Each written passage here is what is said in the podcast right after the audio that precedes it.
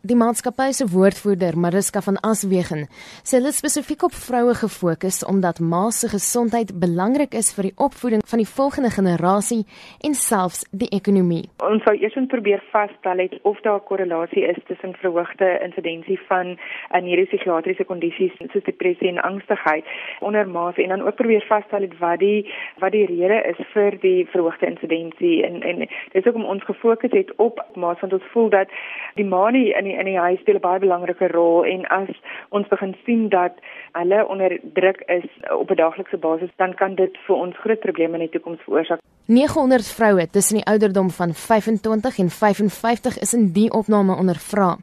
Daar is spesifiek gefokus op gesondheidsprobleme wat opgeduik het vandat vrouens werkende ma's geword het meer as die helfte van die mense wat deelgeneem het aan die opname het getoon dat hulle verhoogde insidensie van hoofpyn byvoorbeeld het. amper amper die helfte het gesê dat kroniese moegheid, ongesonde gewigstoename of gewigverlies is ook deur omtrent die helfte aangetoon en dan ook um, angstigheid wat baie algemeen is onder werkende ma's.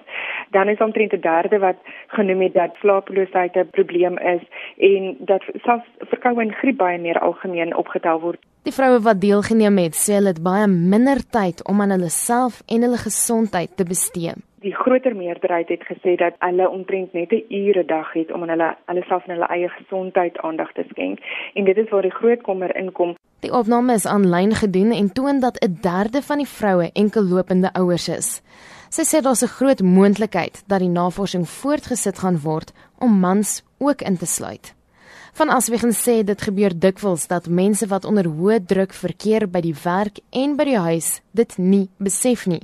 Dis om hierdie rede dat hulle bewustheid wil skep met navorsing soos die. Probeer soveel as moontlik mense bewus te maak van die uitkomste van hierdie opname wat ons geneem het kan dit hopelik net daardie bewustheid doorbring sodat mense kan daadwerklik um, aksie neem. Volgens haar is werkgewers in die land besig om toenemend voorsiening te maak vir werkende ma's.